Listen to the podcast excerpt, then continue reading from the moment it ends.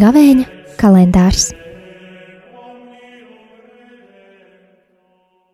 5. marts, piekdiena. Lasījums no Jēzus Kristus evanģēlīja, ko uzrakstījis Svētais Matejs.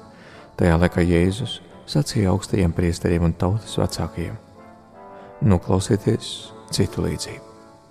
Bija kāds namatēvs, kas iestādīja vīnu dārzu, apjoza to ar mūru, izraktajā vīnas piestuvi un uzcēla torni un iznomāja to vīnkopiem un pats aizceļoja.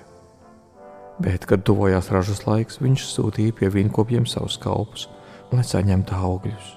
Bet vīnkopi sagrābuši viņa kalpus, vienu sasita, citu nogalināja, citu nomētāja akmeņiem.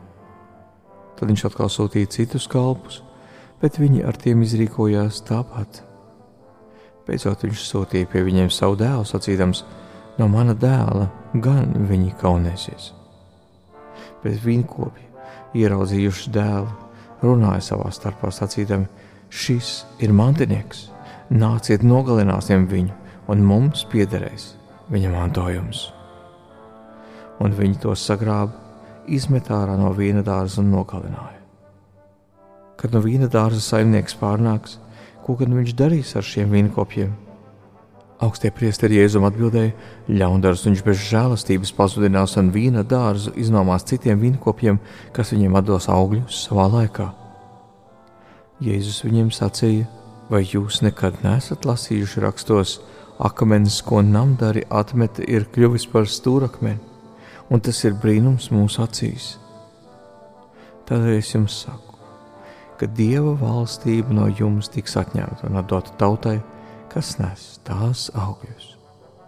Un, kad augstie priesteri un farizēji dzirdēja viņa līdzības, tie saprata, ka Jēzus runāja par viņiem. Un tie tīkoja viņu apcietināt, bet baidījās no ļaudīm, jo tie viņu uzskatīja par pravieti. Tie ir svētā evaņģēlīja vārdi. Sveiciens rādījumam arī klausītājiem. Es Raimons Mežiņš.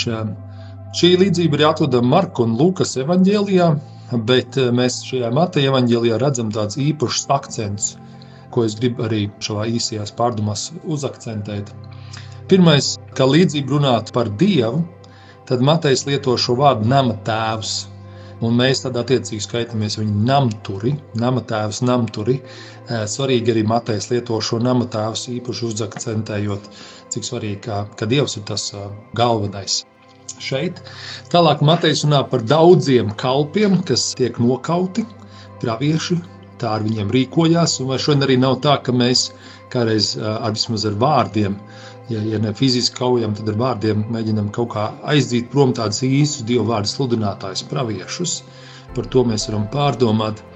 Vēl šajā līdzībā ir īpaši izcelts tas, ka beigās tiek nokauts dēls, kā mēs zinām, šeit runa par Jēzu Kristu dievu dēlu. Un viņš tika piesprāstīts krustā ārpus pilsētas. Tāpēc līdzībā tā kā izmests ārā un pēc tam tikai Bet kas ir šīs līdzības būtība? Tas svarīgākais eh, pants ir 43. Kad Dieva valstība tiek atņemta raksturmācītājiem, augstiem priesteriem, eh, farizējiem, es teiktu, un iedot tiem, kuri nes augļus. Ko nozīmē nest augļus? To mēs, piemēram, varam lasīt Jāņa 15. nodaļā, 7.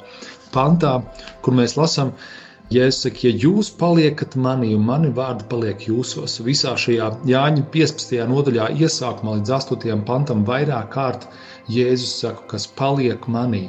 Un tad 8. pantā viņš saka, ka tādā veidā mans tēvs ir godā celts, ka jūs nesat daudz augļu un to pat par maniem mācekļiem.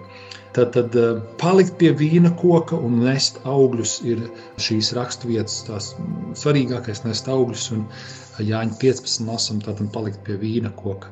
Domāju, ka šis laiks ir tāds, kad attīstās daudzas liberālas teoloģijas, es teiktu, maldu mācības, kas aizrauj kaut kur prom no Jēzus un palikšanas viņā. Lai šis gaveņa laiks mums palīdz turēties pie Kristus, palikt viņā, sekot viņam un, un nest augļus Dieva valstībai. Attende nomine.